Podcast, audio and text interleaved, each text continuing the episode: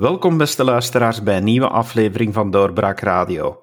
Ik ben uw gastheer David Geens en mijn gast vandaag is Matthias van den Borre, Brussels parlementlid voor N-VA. Goeiedag meneer van den Borre. Ja, goeiedag David. Meneer Van den Borre, we praten vandaag over de problematiek van het uh, geweld tegen de politie in Brussel. Mhm. Er zijn daar uh, namelijk een reeks incidenten geweest. Ik denk aan Jette, Elsene, Laken, uh, om, om, er maar enkele te noemen. Van, wat loopt daar nu eigenlijk mis volgens u? Ja, helaas is het probleem niet nieuw.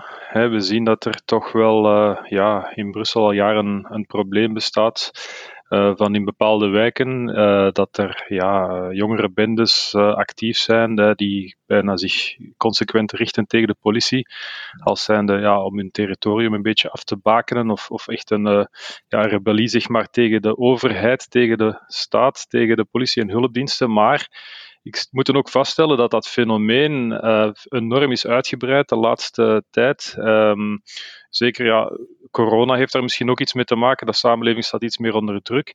Maar we moeten toch zeggen dat de angstwekkende proporties uh, aanneemt in Brussel. Het is niet meer beperkt tot de zogenaamde probleemwijken, maar we zien ja, uh, over heel het grondgebied van het Brussels gewest, van Elsene tot Jette tot Anderlicht ja, ongeveer elke gemeente heeft uh, zo zijn voorvallen uh, gehad, waarbij agenten bij een doordeweekse controle uh, fysiek worden aangevallen en soms zelfs door vele omstaanders belaagd met zeer zwaar agressief geweld, tot gevolg soms zelfs met ja, dat een een arrestatie ineens bijna dodelijk kan aflopen voor een politieagent. Dus dat is bijzonder onrustwekkend. En dat zien we ook helaas in de cijfers. Zien dat uh, ja, alleen in de zone Polbru, dat is eh, dus de zone hoofdstad Elsene, dat op vier jaar tijd die cijfers van geweld tegen de politiediensten zijn verviervoudigd. Dus de politiediensten hebben dan ook terecht aan de alarmbel meermaals getrokken, vooral de vakbonden. Ehm, maar de situatie is, is, ja, ik zie die toch al bijzonder ernstig momenteel de politie trekt aan de alarmbel. U hebt het ook over cijfers. Naar verluid worden er ook tegenwoordig geen gasboetes zelfs meer uitgeschreven uit angst voor de reactie. Klopt dat? Wel, dat is een signaal dat de vakbonden zelf hebben uitgestuurd, natuurlijk na het zoveelste incident, waarbij de reactie uh, ja, weer al matig was. Uh, zeker van de lokale politiek hier en daar knelt het schoentje het hardst. Ik denk dat het op het federale niveau heeft men de boodschap ondertussen wel begrepen. Mede onder druk van NVA is er nu ja, straffe taal, hè, nultolerantie. Uh, wil men kijken naar nieuwe maatregelen. Maar hier in Brussel uh, blijft men toch uh, ja, al te vaak weg kijken. En ik denk dat dan de politievakbonden uh, en de politieagenten zelf ja, de afweging maken. Uh, willen we dat risico nog uh, lopen om continu ja, aangevallen te worden, om te moeten vrezen voor echt zwaar extreem geweld, soms zelfs ja, vrezen voor hun leven um, bij, dit, bij deze interventies. Dus uh, ik heb nu niet zwart op wit het bewijs uh, dat er uh, minder controles of, plaatsvinden of dat het gereguleerd zou zijn. Dat is natuurlijk ja, moeilijk. wettelijk is het natuurlijk, de wet is van kracht. Maar dat zal ik me nog eens verder over informeren, hoe dat de dagdagelijkse impact van agenten nu, nu verloopt. Maar ik hoor alleszins van vele ja, agenten en, en, en, mensen die echt op het veld zijn, ja, dat de situatie echt bijzonder ernstig is. Het woord nultolerantie is al gevallen, dat is natuurlijk stoere taal, maar in een omgeving waar politie amper durft optreden, is dat dan niet een beetje ja, uh, een sprookjestaal? Is nultolerantie nog wel mogelijk op het veld? Ja, nultolerantie is een beetje een, uh, helaas, uh, een hol begrip geworden, heb ik zelf ook vastgesteld. Nadat het incident uh, in Schaarbeek is voorgevallen, heb ik opgeroepen, inderdaad, nogmaals, tot nultolerantie. Dat wil zeggen dat er elk feit, zelfs het kleinere feit van geweld tegen onze politie en hulpdiensten, want ik denk dat we het ook breder moeten trekken dan alleen de politie. Het gaat ook helaas over geweld tegen brandweer, over geweld tegen ziekenwagen, ambulanciers en zo. Wel, dat elke vorm van geweld, uh, dat die uh, onmiddellijk, zo snel mogelijk, uh, bestraft wordt en effectief bestraft wordt. Dat er geen gevoel van straffeloosheid ontstaat. En dan moet je kijken naar alle mogelijke verschillende vormen van straffen die je kan hanteren. En daar loopt het inderdaad momenteel, denk ik, ja, mis. We hebben dan de, de seponeringen bijvoorbeeld. Die aantallen in Brussel liggen bijzonder hoog. We hebben ja, um, het gebrek, allee, of de traagheid soms van justitie, hè, dat het soms jaren duurt om uh, zelfs maar een veroordeling of een niet-veroordeling te verkrijgen. We hebben ja, het feit dat uh, daders bijzonder snel terug op, uh, snel op vrije voeten kunnen komen. We hebben ook al ja, voor bijzonder ernstige feiten, ja, wat je kan zeggen, bijzonder kleine werkstraffen gezien. Dus uh, de theorie is uh, zeer goed, daar staan we zeker achter, hè, nul tolerantie. Maar natuurlijk in de praktijk moet je daar uh, bijzonder hard aan werken op alle niveaus. dus federaal, justitie moet daar bijzonder een, een serieuze tand bij steken. Maar ook hier lokaal. ik zeg het nogmaals, lokale politiek en lokale burgemeesters, uh, korpschef, de politiezones zullen daar ook bijzonder hard op moeten inzetten om ook de mentaliteit te creëren bij de bevolking van ja, dit is een absolute no passaran. Uh, als je een vinger uitsteekt naar de politie, dan zal je het, ja, zal je, het je zwaar bekopen. De keuzes van het Brussels parket spelen dan toch een grote rol, want nu, en u vernoemde het eigenlijk ook al, worden er heel veel zaken blijkbaar geseponeerd. Is dat een beleidskeuze van het parket of is dat gewoonweg bij gebrek aan middelen? Ha, ja, uh, men beroept zich daar heel makkelijk op de ja, onafhankelijkheid natuurlijk. Hè. De, de, scheiding der machten is natuurlijk een basisbeginsel van onze rechtsstaat. Daar wil ik absoluut niet aan tornen. Maar dat wil natuurlijk ook niet zeggen dat je ja, commentaar kan geven op, uh, op uh, justitie als het echt manifest fout loopt. En ja, ik heb toch, alleen, ik niet alleen, we ontvangen toch regelmatig signalen dat justitie in Brussel eh, en dat zijn de verschillende takken van justitie. Dat is niet alleen maar um, ja, over geweldfeiten, maar dat er toch een bijzonder grote achterstand is. Uh, dat er, ja, het seponeringsbeleid nogmaals, dat er toch ja, helaas uh, het een en het ander misloopt. En dat er dan signalen worden gegeven, ook in de media. Uh, alleen nu recent met bijvoorbeeld dan de erevoorzitter, die eigenlijk ja, bijna zegt van ja, de politie die heeft, uh, ja, die moet die kloppen kunnen incasseren, dat is deel van hun job. Dat vind ik foute signalen. Dat uh, zou je niet mogen zeggen, niet mogen tolereren, denk ik ook als, uh, als, als justitie. moet je denk ik daar uw rol opnemen. Ik denk dat er in Vlaanderen bepaalde parketten echt wel veel actiever daar proberen een, ook een, een eigen beleid in te voeren, wat denk ik ook mogelijk is binnen de, ja, de rechtsregels uiteraard.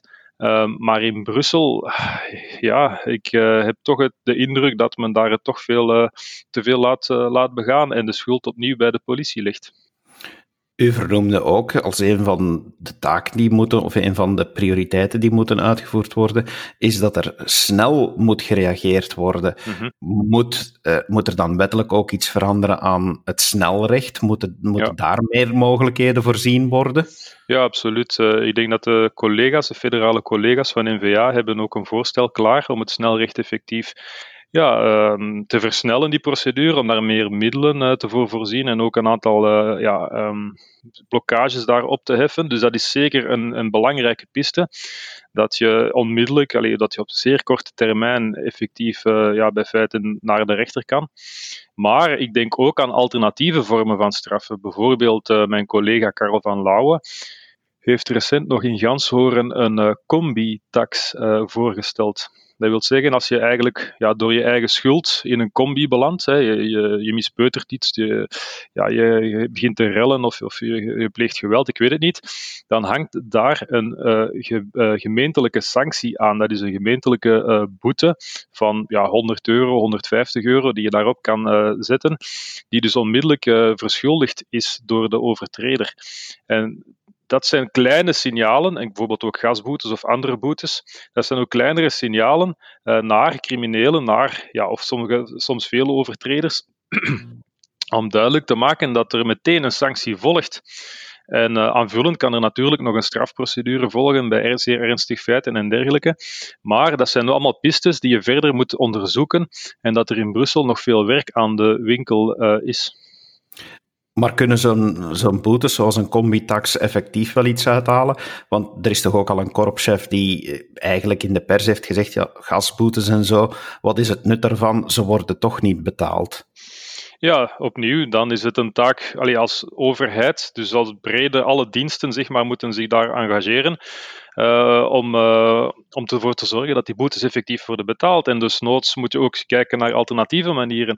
Hè, bijvoorbeeld, uh, waarom niet als het dan gaat over bij, bij, bij geweld door hun, kinderen allee, of jongeren, zeg maar, waar dat ouders verantwoordelijk voor zijn. Waarom niet een deel van het kindergeld afnemen? Of waarom niet ook kijken naar alternatieve straffen, zoals bijvoorbeeld een rijverbod of de, het afnemen van een wagen bij veel plegers van de verkeersagressie. Ja, je moet kijken naar um, instrumenten die als overheid hebt um, om ja, mensen die ja, van kwade wil zijn, dus keer op keer de wet overtreden en geen respect hebben voor onze rechtsstaat, om die toch ja, te sanctioneren daarvoor. En dan moet je kijken naar de geschikte ja, oplossing. En, en dan moet je verder durven kijken dan alleen ook alleen maar ja, een rechtszaak of een rechtsprocedure die soms lang kan duren. Maar nogmaals, je moet op zoek gaan ook naar alternatieve uh, straffen um, om, uh, om dat signaal zeer helder en duidelijk uh, te zenden, want dit is onaanvaardbaar. Heeft de Brusselse politie voldoende middelen op dit moment om adequaat op te treden? Wel, ik ga ervan uit op dit moment. Ja, enerzijds is je natuurlijk een, een, een, een oud zeer bij de politie, is de recrutering in de zin dat um, er, ja, er zijn. Um, de bedoeling is, is, is steeds jarenlang om eigenlijk extra mensen aan te werven, in 1600 op uh, federaal niveau. Um, vorige minister eh, Jan Jambon heeft daar eh, mee voor gezorgd, maar het probleem is meestal om die ingevuld te krijgen. Dus om de effectieve ja, bestaffing, de volledige bestaffing van de, de zones te verzorgen. Um, voor een deel is dat ja, moeilijk soms om agenten naar Brussel te krijgen. Um, ja, er zijn een aantal voordelen aan. Het is een uitdagende job. Je krijgt ook financiële compensaties. Maar als je ziet nu hoe ja, agenten vaak worden belaagd, zelfs fysiek uh, moeten soms vrezen voor, voor ernstige gevolgen, dan denk ik is het, het beroep van agent terug minder aantrekkelijk. Dus dat is een continue afweging. Um, ja, uh, is er genoeg bestaffing? Ik denk wel voor het, de algemene werking, maar is hun kader volledig? Uh, nee, dat denk ik niet. En ik denk we moeten daar zoeken naar een aantal oplossingen die ik ook heb geformuleerd in het parlement. Eén bijvoorbeeld is het voorbeeld van uh, Antwerpen, waar er een uh, proefproject is gebeurd, lokale recrutering. Dat wil zeggen dat ja, Antwerpen voor een deel de eigen recrutering van lokale agenten in handen neemt. En uh, dat project heeft ook zeer positieve gevolgen, met bijvoorbeeld uh, hogere slaagpercentages, met uh, meer agenten van allochtone origine, met ook meer vrouwen in het korps. Um, en ik heb al meermaals gevraagd dat Brussel dit ook zou moeten doen, maar tot nu toe houdt men die boot altijd maar af. Een tweede element is natuurlijk efficiëntie. Als je kijkt uh, in Brussel, ja, zitten we nog altijd met die zes korpsen, uh, met een volledig ja, eigen uh, structuur, met alle diensten zeg maar, zijn verzesvoudigd daardoor.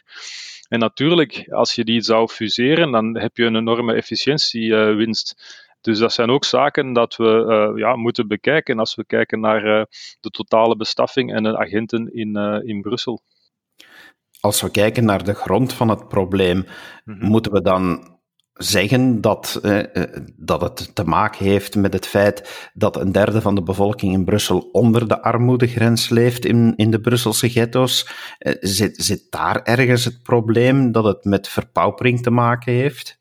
Ik uh, zou nooit durven zeggen dat een, uh, allee, armoede een reden mag zijn of een, ja, om, om, om te rellen, om, om geweld tegen onze samenleving, tegen onze ordendiensten te gebruiken. Ik denk dat er geen enkel excuus bestaat in onze samenleving om uh, ja, geweld te uiten tegen, uh, tegen onze hulpdienst, tegen onze ordendiensten. En ik, ik weet het, ik ben ook geen socioloog, maar ik denk niet dat er daar ergens een rechtstreeks verband is. Ik denk dat we het dan eerder moeten zoeken bij een aantal drukkingsgroepen, zoals ja, dat we helaas kennen in Brussel, zijn soms extremistische predikers. Er zijn links-anarchistische ehm, ja, ook bewegingen die blijkbaar ook zeer actief zijn, die oproepen tegen, tot geweld tegen onze politiediensten. Uh, dat hebben de korpschefs ook meermaals bevestigd. Uh, dat dat echt een probleem is in Brussel, dat er echt pamfletten en informatie circuleert om onze diensten uh, aan te vallen. maar tot slot, en dat is denk ik het belangrijkste, is het algemene klimaat. Het algemene ja, signaal dat je uitstuurt uh, als lokale politici, lokale verkozenen, van respect. Respect voor onze rechtsstaat, respect voor onze diensten, respect voor onze samenleving. En uh, ja, fundamentele lijnen waar je niet over gaat. En dat zie ik toch veel te weinig, eerlijk gezegd. Uh, alleen al het afgelopen jaar zijn er meermaals gebeurtenissen waarbij lokale politici eigenlijk zwaar uitvallen tegen de hulpdiensten en zeer agressief um, ja, die allee, onze hulpdiensten in vraag uh, stellen. En dat is natuurlijk een bijzonder slecht voorbeeld. Want uh, dat heeft allemaal natuurlijk een impact op uh, hoe ja, mensen de politie en onze hulpdiensten ervaren. Als onze, allee, onze verkozen politici onze diensten zelf in vraag stellen, ja, dan is natuurlijk de drempel veel lager voor, om, om geweld, tot geweld over te gaan tegen onze hulpdiensten. Nou, u zegt het van politici die het omdraaien. Ik, uh, ik zie ook uh, meneer Sven Gats, die spreekt over een diep geworteld probleem van racisme. Uh, denkt u dat, dat dat dan heel veel uitlokt? Dat er bijvoorbeeld bij de politie inderdaad een diep geworteld probleem van racisme bestaat? in de feiten ehm, zien we dat de het aantal klachten uh, tegen agenten uh, stabiel is doorheen de jaren. Um, maar in de eerste plaats wil ik toch zeggen dat elke vorm van eh, derapage of ontoelaatbaar gedrag in de vorm van racisme of in een of andere vorm van eh, geweld door politie ongeoorloofd dan, uh, is uiteraard ten stelligste te veroordelen. Moeten we ook steeds veroordelen vanuit de politiek, vanuit alle stakeholders. De politie zelf zegt dat ook alle korpsoversten van, van echt het hoogste niveau tot het lagere niveaus zeggen mensen of agenten die zich zo gedragen hebben geen plaats binnen ons korps. Dus het signaal is heel uh, duidelijk. Ik denk dat er ook wel al een zekere diversiteit bestaat binnen het Brusselse uh, korps. Is dat een 100% afspiegeling van, van de demografische situatie in Brussel? Dat denk ik niet, maar er is wel al zeker, allee, zijn al zeer grote stappen gezet. Um, dat er nog niet werk, allee, dat er nog werk aan de winkel is. Ook daar heb ik bijvoorbeeld het voorbeeld van Antwerpen aangehaald, waar er sinds uh, toch een aantal jaren veel meer nog op een uh, dienstdiversiteit wordt ingezet, die eigenlijk um, ja, een heel plan daarover heeft geformuleerd en ook ja, echt in nauwe samenwerking met alle uh, politiediensten daarmee aan de slag gaat en daar ook resultaten boekt. In Brussel is men daar pas net mee begonnen in uh, de zone Polbru. En ik denk, ik weet het niet zeker of alle zones dat uh, momenteel reeds doen. Dus er is ook wel nog een serieuze achterstand. en die ja, in de eerste plaats ook moet gezocht worden bij de politieke verantwoordelijken natuurlijk voor het korps. Hè. Um, en dan was er nog een element, maar daar ben ik eventjes. Um, ja, daar heb ik misschien straks op terugkomen. Oké, prima. Eh, u zegt natuurlijk ook de politiek verantwoordelijke. Een stem die misschien te weinig gehoord wordt, is die van Brussels minister-president Rudy Vervoort. Uh, vindt u dat hij meer moet optreden? Ja, absoluut. Absoluut. Uh, daar probeer ik hem eigenlijk bijna wekelijks op te attenderen, eigenlijk, hè, dat het zijn politieke verantwoordelijkheid is als regeringsleider. En hij heeft bovendien unieke veiligheidsbevoegdheden sinds de zesde staatshervorming. Um, om het veiligheidsbeleid te coördineren in Brussel en een aantal uh, ja, lijnen uit te zetten. Hij heeft daar wel wat mogelijkheden, maar hij laat zich eigenlijk bijna nooit uit over ja, dat geweld tegen onze diensten, tegen onze ordediensten. Hij, ja, ja, als ik hem bijzonder hard aanspoor, dan, dan wil hij misschien eens een tweet daarover uh, plaatsen. Maar ik heb hem bijvoorbeeld nog nooit op bezoek weten gaan bij, bij, bij agenten of, of wanneer een zwaar delict heeft plaatsgevonden om de, de plaats te gaan bezoeken of, of om echt expliciet uh, een actie te ondernemen om dat geweld te doen stoppen. Nee, te laat het altijd blauw-blauw. Um, en dan uh, moet ik toch allez, ook eerlijk zijn en dan bijvoorbeeld uh, burgemeester Philippe Kloze, wat uiteraard mijn politieke ja, tegenstrever momenteel is, ja, hij is toch iets consequenter daarin en zal ook makkelijker uh, kant kiezen van de politie en eigenlijk feiten veroordelen en duidelijk zeggen dat dit ontoelaatbaar is en die communicatie ook veel helderder houden. Maar ik denk, alleen zo ervaar ik het toch een beetje, hij staat daar toch een klein beetje alleen, uh, heb ik zo de indruk, maar hij doet het wel. Dus ik vind dat we dat voorbeeld uh, zou veel meer navolging moeten krijgen. In de eerste plaats door Rudy Vervoort. Hij is tenslotte de regeringsleider. Uh, om ja, meer actie te ondernemen en ook vooral de, die, die sterke signalen uit te sturen dat er, ja, dat er van alles misloopt in Brussel en dat daar hard aan gewerkt moet worden. Brussel is natuurlijk ook heel bijzonder met zijn 19 gemeenten. Heel veel lokale politici.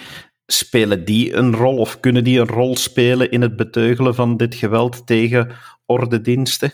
Ja, Natuurlijk, absoluut.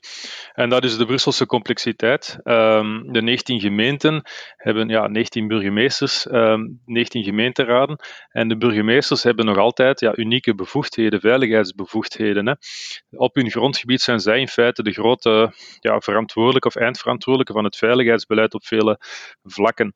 En dan, dan, dan zien we natuurlijk dat dat zeer uiteen uh, loopt. Hè. Als je dan bijvoorbeeld uh, de kanaalzone, de armere gemeenten in Brussel, bekijkt en hoe men hier uh, zijn uh, diensten aanstuurt uh, en dan vergelijkt in bijvoorbeeld de Woluwees of Ukkel en dergelijke, ja, dan zie je toch een totaal andere benadering, denk ik. Dus um, dat zou denk ik een, een, een eengemaakte visie, een eengemaakt beleid toch wel wat kunnen, ja, voor duidelijkheid zorgen en duidelijkere ja, oplossingen formuleren. Um, ja, ik denk ook, allee, bepaalde burgemeesters hebben in het verleden, allee, om niet te, te, zeggen, bijvoorbeeld in Molenbeek, ja, toch wel bizarre statements uh, gebracht. Hè. Uh, bijvoorbeeld uh, als er rellen bij een nieuwjaar zijn, dan gaat het zogezegd om feesten. Ook in Anderlecht zien we dat het keer op keer tot rellen komt. Ook daar wordt het vaak geminimaliseerd. Ja, ik zeg het, hè, de verantwoordelijkheid van de lokale politici om dit geweld te veroordelen, om de juiste signalen te sturen, dat is een groot manco in, in Brussel. In dat opkomend geweld, ja, we zien het, we zien het per slot van rekening toenemen. Denkt u dat daar het islamisme een rol in speelt? Helaas um, zien we, weten we ondertussen door, door studies, dat islamisme in Brussel, uh, ja, niet alleen door studies, door de feiten, hè, ik bedoel, ik uh, verwijs naar de aanslagen uh, die binnenkort in proces gaan, de aanslagen van 22 maart, maar we weten dat ja, islamisme in Brussel zeer ehm, ja, actief is en dat helaas ook niet weg is gegaan natuurlijk na de um, ja, acties die zijn ondernomen uh, na afloop van, van, van de aanslagen. Ik vrees dat er nog altijd een, een, een sterke stroming uh, bestaat, die nu meer onder de radar uh, kan functioneren, maar die wel ja, nog, nog veel ruimte krijgt in, in Brussel. Dat dan nu rechtstreeks aanleiding is tot, tot feiten, ga, dat is moeilijk hard te maken. ik denk dat er meer facetten nog spelen. zoals, allee, ja, elk feit heeft natuurlijk zijn eigen context. Uh, maar ja, het bestaat zeker uh, in Brussel en het heeft, denk ik, ja, kwalijke gevolgen. Um, wetende dat ja, islamisme eigenlijk een politieke stroming is die ja, het gezag van de overheid en zeker onze seculiere staat in twijfel uh, trekt. Dus eigenlijk fundamenteel uitgaat van ja, andere wetten, normen en regels. Die, uh, die, die zou willen opleggen aan de samenleving. En daarmee zit je bijna continu in een conflict situatie uh, als het gaat over respect voor onze regels, natuurlijk onze rechtsstaat die we kennen. Dus um, ja, ik heb, ja, dus het, is, uh, het, is, het zou zeker een grote rol uh, spelen, denk ik, maar hoe dat je die verhoudt tot opzichte van al de geweld, recente geweldfeiten die we gezien hebben dit jaar, dat, kan ik, allez, ja, is dat een één op één verhouding, kan ik niet zeggen. Uh, maar dat het een rol speelt, dat, uh, dat durf ik wel zeggen, ja. Uiteindelijk, respect voor ordendiensten heeft te maken ook met de onderlinge verdraagzaamheid. Nu, heel specifiek daarnaar verwees je onlangs naar een studie van, van het ULB in verband met uh, verdraagzaamheid. en, en die was toch heel, wel heel opmerkelijk wat u daar gezegd hebt in het parlement. Ja, dat is een uh, studie van de ULB en ook niet de eerste studie die een vergelijking maakt naar de levensbeschouwelijke achtergrond van uh, leerlingen en op heel veel verschillende scholen. Het was een ruime steekproef, meer dan duizend uh, leerlingen. En dan vergelijkt hoe dat ze zich verhouden tot bijvoorbeeld ja, rechten ook op respect voor de rechtsstaat, algemene normen en waarden en, en verdraagzaamheid en, en dergelijke. En dat was in ja, de voornaamste conclusie dat jongeren met een, met een islamitische achtergrond ja, tot drie keer toe minder geneigd zijn of minder verdraagzaam zijn ten opzichte van al deze thema's. Ik heb dat dan ook aangekaart, hè, aangeklaagd in, in de gemeenteraad en in het Brussels parlement. Van kijk, daar moet aan gewerkt worden, aan, aan zo'n uh, vaststellingen. Um, niet door. Alleen, je moet daar voorzichtig mee zijn. En dat probeer ik toch altijd te doen. Ik weet dat dat een gevoelig thema is. Maar met respect voor mensen die, het, ja, die moslim zijn. Dus je moet daar een respect bewaren voor ja, de vrijheid van, van, van, van levensbeschouwelijk uh, achtergrond natuurlijk. Uh, maar je moet het probleem ook wel kunnen benoemen. En dat is een, soms een slappe koord. Uh, ja, door um, enerzijds de dialoog te blijven aangaan, mensen betrekken, uh, die kinderen, ouders, uh, alle verantwoordelijken, ja, mensen die daar een rol in spelen in het dagelijkse leven van, van, van deze gemeenschappen, moet je proberen ja, in dialoog blijven gaan en betrekken, maar natuurlijk wel werken aan deze problematiek en ervoor te zorgen dat er ja, toch meer toenadering komt en dat die uh, ja, problemen van onverdraagzaamheid, dat dat zich niet vertaalt in verdere daden, uh, maar dat dat gewoon, ja, dat dat hopelijk een uh, periode is die, uh, ja, wat je door opleiding, door, um, ja, door dialoog, door gesprek, dat je daar toch uit kunt geraken, dat je niet verder die confrontatie opgaat. Maar dit hier sta ik eerlijk gezegd een beetje alleen in, in Brussel, voel ik toch uh, als ik deze dialoog, als ik dit, probeer, dit thema probeer aan te, uh, aan te brengen, dan word ik bijna consequent persoonlijk aangevallen. Ja, het is, het is quasi onmogelijk om dit op een serene manier te bespreken in Brussel zonder meteen het verwijt te krijgen dat ik zelf ja, totaal onverdraagzaam en een, bij wijze van spreken een haat zou zaaien, wat absoluut niet mijn bedoeling is. Ik probeer het met de ja, nodige nuance aan de dag te brengen door een onderscheid te maken tussen islam, de godsdienst, uh, die ja, een godsdienst zoals uh, anderen in mijn ogen, uh, maar het islamisme, en dat is de politieke ideologische vertaling hiervan, die, die, die andere doeleinden heeft. Um, en dat blijft een zeer moeilijke, ja, slappe koord om uh, meer te bewandelen in Brussel. Tot slot uh, van ons gesprek, er is net ook een voorstel van resolutie geweest in het Brussels parlement omtrent deze problematiek. Een, een, resolutie die een verbetering moest, of die, die als titel heeft ter verbetering van de relatie burger-politie. u hebt tegengestemd. Wat, wat was er mis met die, met die resolutie? Ja, dat, was, er zijn hoorzittingen geweest dit jaar. En op zich was, zijn er interessante zaken gezegd. Uh, er waren interessante debatten, interessante stakeholders die eigenlijk aan bod zijn gekomen. Uh, maar de conclusie is het voorstel eh, dat nu is geformuleerd, dat ging in mijn ogen toch schoot wel tekort op een aantal vlakken. In de eerste plaats door echt de problematiek te benoemen. De zaken die we nu hebben besproken, ja, die komen eigenlijk niet zo aan bod in het voorstel. Men heeft het in zeer algemene uh, termen over ja, dat er soms wel eens iets uh, gebeur, geweld tegen de politie is, maar men benoemt nergens ja, de feiten, de, de cijfers. Uh, ook bijvoorbeeld het feit dat er jongerenbendes zijn, bijvoorbeeld linksanarchistische um, ja, stromingen die daar geweld tegen politie oproepen. Um, dat komt allemaal zelfs gewoon niet aan bod. En dan ook de maatregelen die men voorstelt ja, men legt de bal volledig in het kamp van de politie. Men zegt eigenlijk, ja, de politie moet van alles uh, aanpassen aan zijn werking. Hij zou meer respect moeten hebben, alsof dat, dat vandaag eerlijk gezegd niet het geval uh, zou zijn. Maar men kijkt dus echt ja, richting de politie van jullie, zullen uh, jullie werking moeten aanpassen en we zullen daarop beter en meer controleren dat jullie dat effectief doen. En daarmee is het probleem opgelost. Maar zo zie ik het helaas niet. Um, en daarmee heb ik ook veertien amendementen voorgesteld um, om dit probleem ja, in eerste plaats ja, te benoemen. En ook een aantal oplossingen te formuleren die ik uh, zo net heb uh, benoemd. En uh, opmerkelijk, ik heb daarbij één voorstel bijvoorbeeld geformuleerd, een amendement, met letterlijk, letterlijk de tekst van um, het programma van One Brussels, SPA, met ook daarin de tekst van Groen, en met de tekst van VLD over de fusie van de zes politiezones. Dus ik heb dat allemaal in één amendement gegoten. Dat is uiteraard een punt waar NVA ook zeer achter staat, de fusie van de politiezones. en ik heb dat ingediend. En dan in de discussie in de commissie Bilanse Zaken ja, hebben er gewoon die partijen, eh, SPA, Groen en VLD dat uh, weggestemd. Ze hebben hun eigen partijprogramma gewoon weggestemd. En ik heb bovendien nog eens uh, op de koop toe een enorme tirade van de Franstalige partijen over mij heen gehad, hoe het schandalig dat het is dat ik zo'n zaken durf voor te stellen. Dus dat toont toch een beetje de, ja, ja, soms bizarre verhouding tussen. Uh, en ook soms ja, hoe weinig dat, dat deze partijen hier wegen op het beleid, helaas. Uh, in, in Brussel.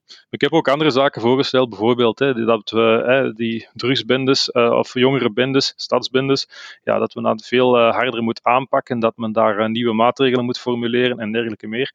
Dus ik heb heel veel voorstellen gedaan, die zijn allemaal weggestemd en daarom ja, ben ik dus niet akkoord met het voorstel zoals het uiteindelijk is goedgekeurd. Dat gaat voor mij dat is, gaat zeker niet ver genoeg en dat benoemt het probleem ook helemaal onvoldoende.